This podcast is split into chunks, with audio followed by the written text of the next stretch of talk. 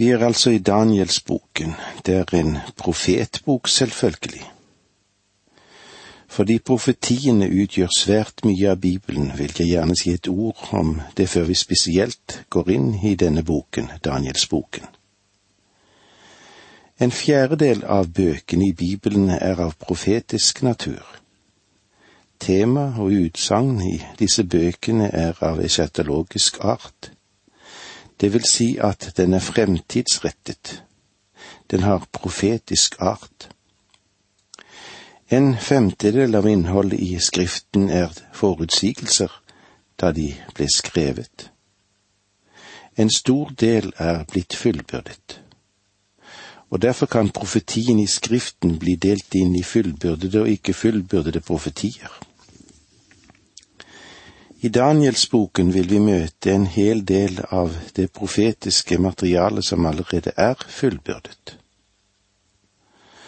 Og det er visse store temaer som profetiene bygget opp om. De som er om bord i et fly, og som flyr inn til en flyplass fra alle deler av verden, de er ført frem til sitt endelige mål. Hovedtemaet for profetiene er den Herre Jesus Kristus.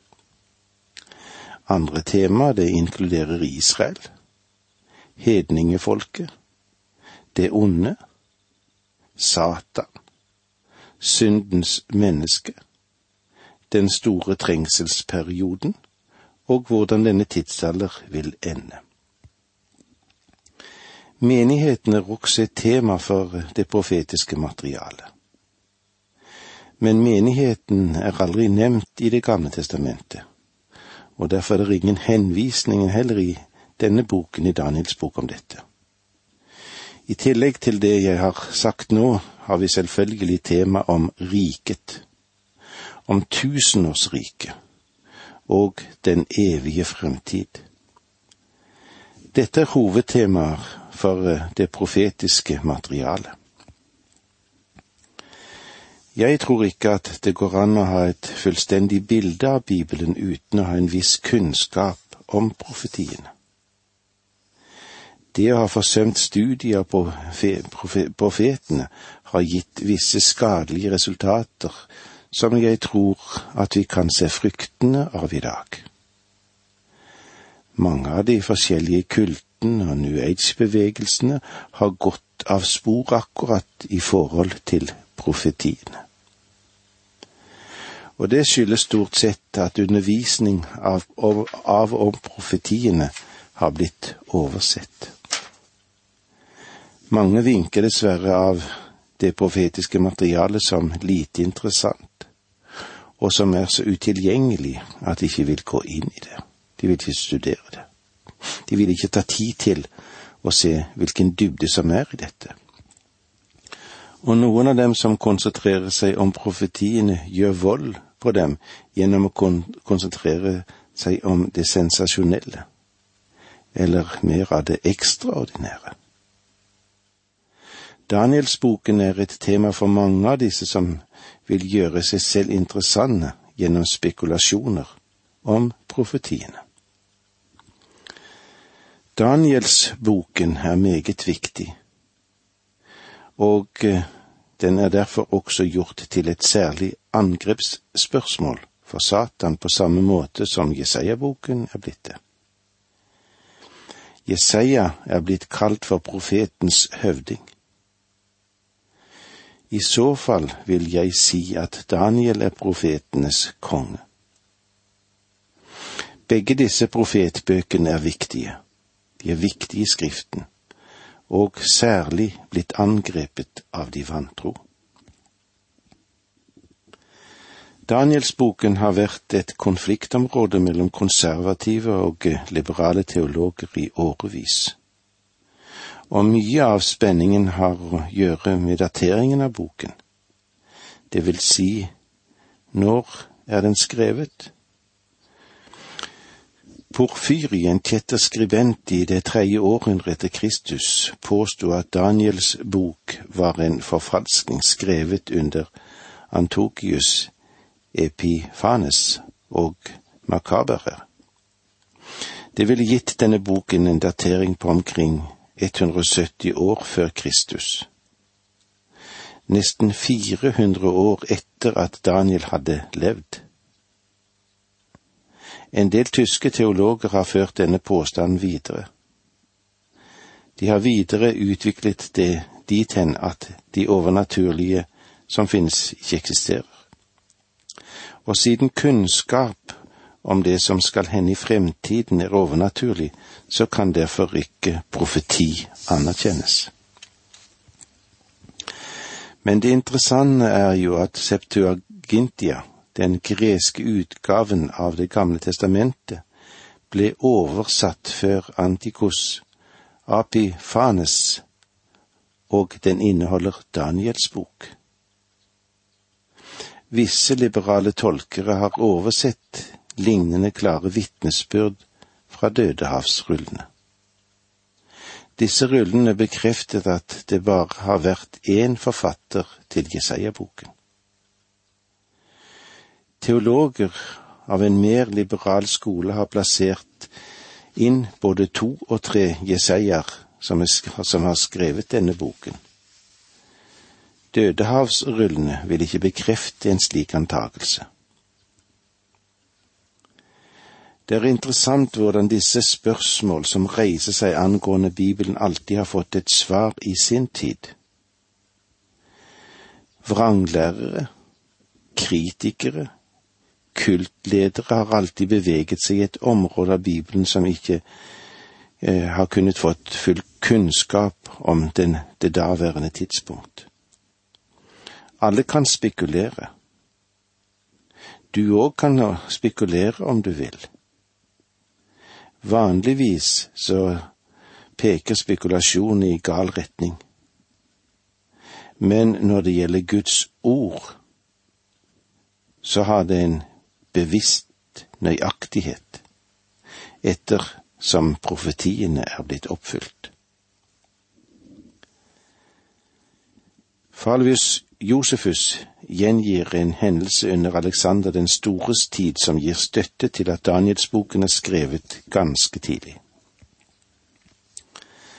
Da Aleksanders erobringstokter nådde Midtøsten, dro Jedhua, overpresten, ut for å møte ham og viste ham en kopi av Danielsboken, der Alexander var klart nevnt. Alexander ble så imponert av dette at istedenfor å ødelegge Jerusalem, dro han inn i byen i fred og tilba ved tempelet. Disse forholdene står klart mot den liberale kritikken, og likevel er det dem som lukker øynene for slikt fordi de allerede har gjort seg opp en mening. Nå er det ikke hensikten med det jeg har sagt hittil, å gå inn i en fryktløs diskusjon og kjempe mot dem som allerede har gjort seg opp en mening. Men jeg vil ganske enkelt si at jeg aksepterer funnene også fra konservative bibelfortolkere om at Daniel var ingen forfører, og at denne boken ikke hadde en er en forfalskning. Isak Newton var kraftig i sin uttalelse når han sa å fornekte Daniel er å fornekte den kristne tro. La meg videre peke på at den Herre Jesus kalte fariseerne for hyklere. Men han kalte Daniel profeten, slik som det står i Matteus 24, 15. Den ødeleggende styggedom som profeten Daniel har talt om, skal da stå på det hellige sted. Forstå det, den som leser, når dere ser det. Og i Markus 13, 14. Men når dere ser den ødeleggende styggedom, står der den ikke skulle stå. Forstå det, den som leser. Da må de som er i Judea flykte opp i fjellene. Og jeg har ikke vanskelig for å slutte meg til det den Herre Jesus sa. En uttalelse han aldri endret på. Støtten fra den Herre Jesus er fremdeles virkelig og tilstrekkelig for alle troende. Enten en har gransket kritikernes argumenter eller ikke. Og det tilfredsstiller den ærlige troende uten at man har gransket svarene fra konservative forskere. Og det var så langt vi kom i dag. Takk for nå må Gud være med deg. Dette undervisningsprogrammet består av to deler. Åge Nevland fortsetter nå med andre del av dagens undervisning. Vi har eh, kommet inn i profeten Daniel. Det er en interessant bok og en spennende bok, og nå har vi vært innom litt av bakgrunnen for dette. Nå vil vi se på hvem er forfatteren.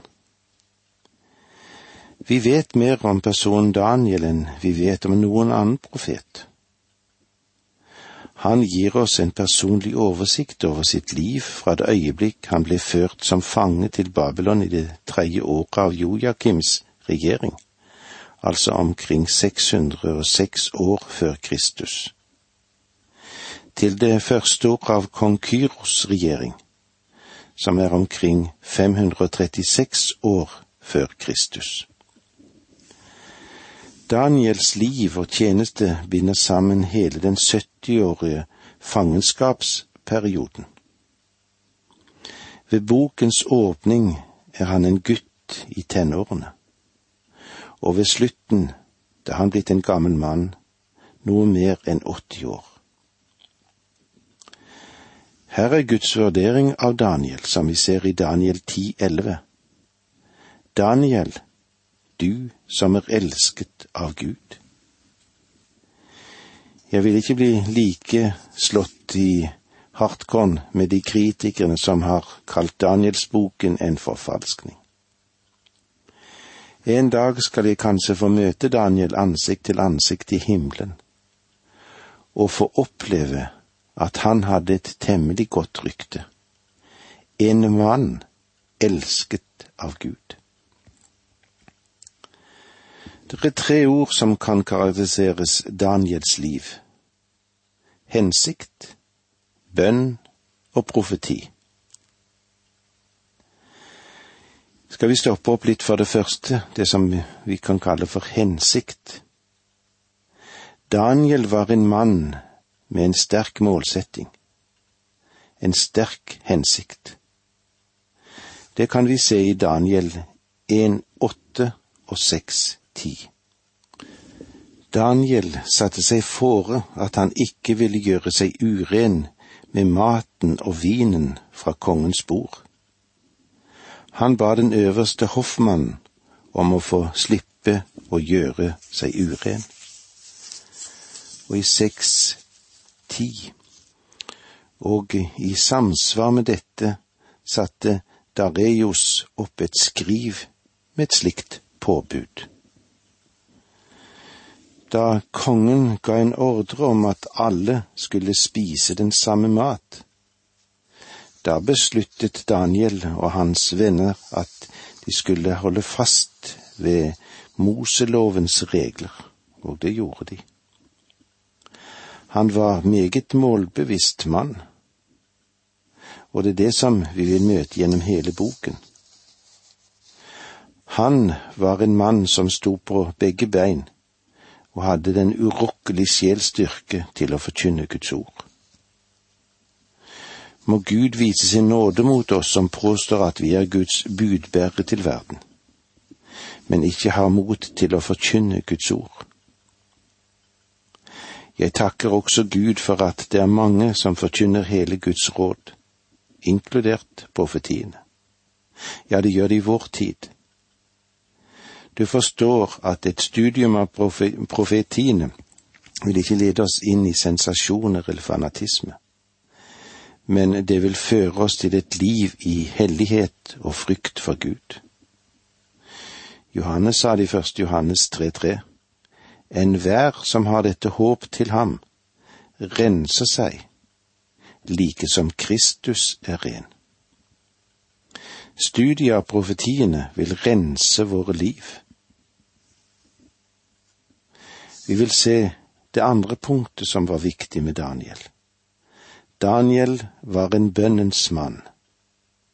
Det kan vi se i Daniel 2, 17-23. Deretter gikk Daniel hjem og fortalte det som hadde hendt til sine venner Hananya, Misha, Asarja. Han ville at de skulle be Gud i himmelen om å vise barmhjertighet og åpenbare denne hemmeligheten så Daniel og vennene hans ikke skulle miste livet sammen med de andre vismennene i Babylonia. Da ble hemmeligheten åpenbart for Daniel i et syn om natten. Og Daniel priste Gud i himmelen. Han tok til orde og sa, Lovet være Guds navn fra evighet og til evighet. For visdommen og styrken er hans. Han lar år og tider skifte, avsetter konger og innsetter konger. Han gir de vise visdom og det forstandige forstand. Han åpenbarer det dype og det dulte. Han vet hva som er i mørket, og hos ham har lyset sin bolig. Deg, mine fedres Gud, lover og priser jeg, for du har gitt meg visdom og styrke. Du har fortalt meg det vi ba om. Det kongen vil vite, har du kunngjort oss. Ellers kan du lese videre om du vil i Danielsboken i kapittel seks og kapittel ni. Det er mange hendelser knyttet til Daniels bønneliv i denne boken. La meg peke på at det var bønn som førte Daniel ned i løvehulen.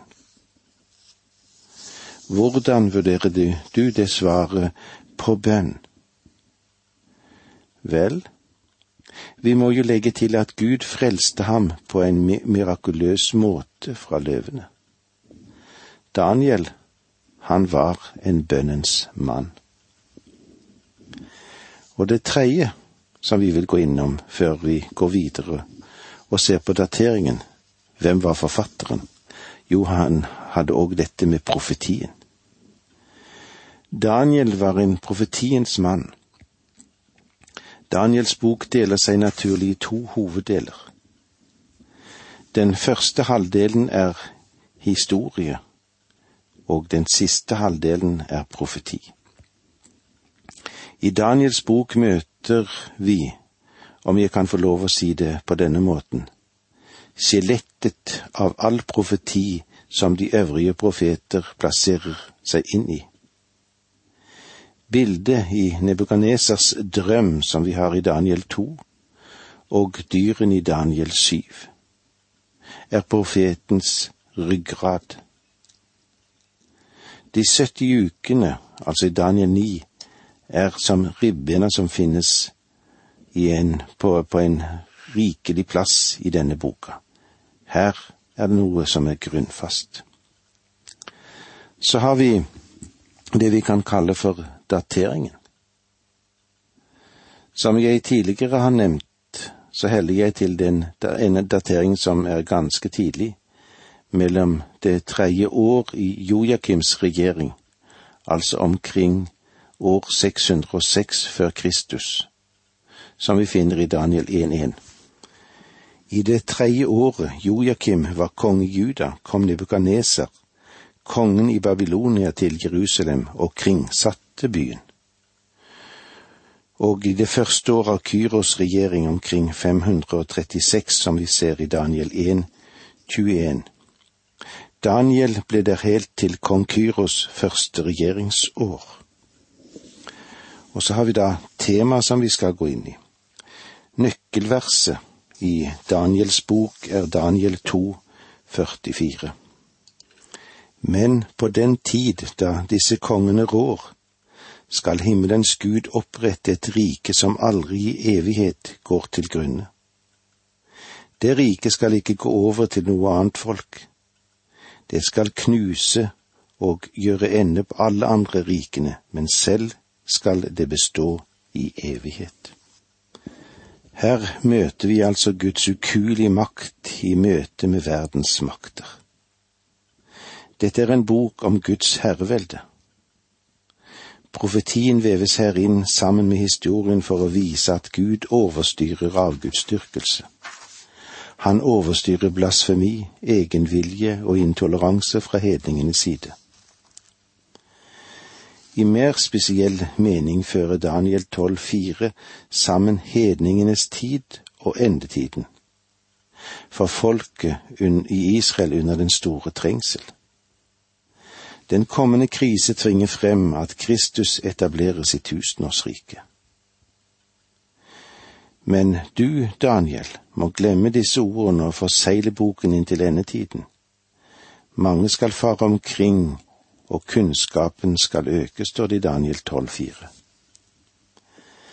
Daniels bok er opptatt med politiske forhold i tillegg til kirkelige spørsmål, og gir det endelig mål for hendelser og temaer som er i utvikling i vår verden. Han svarer på spørsmålet hvem vil herske over verden? Ikke hvordan vil verden bli omvendt? Daniels bok er nøkkelen for å kunne forstå andre skrifter. Herren siterte bare fra Daniels bok i sin tale på Oljeberget.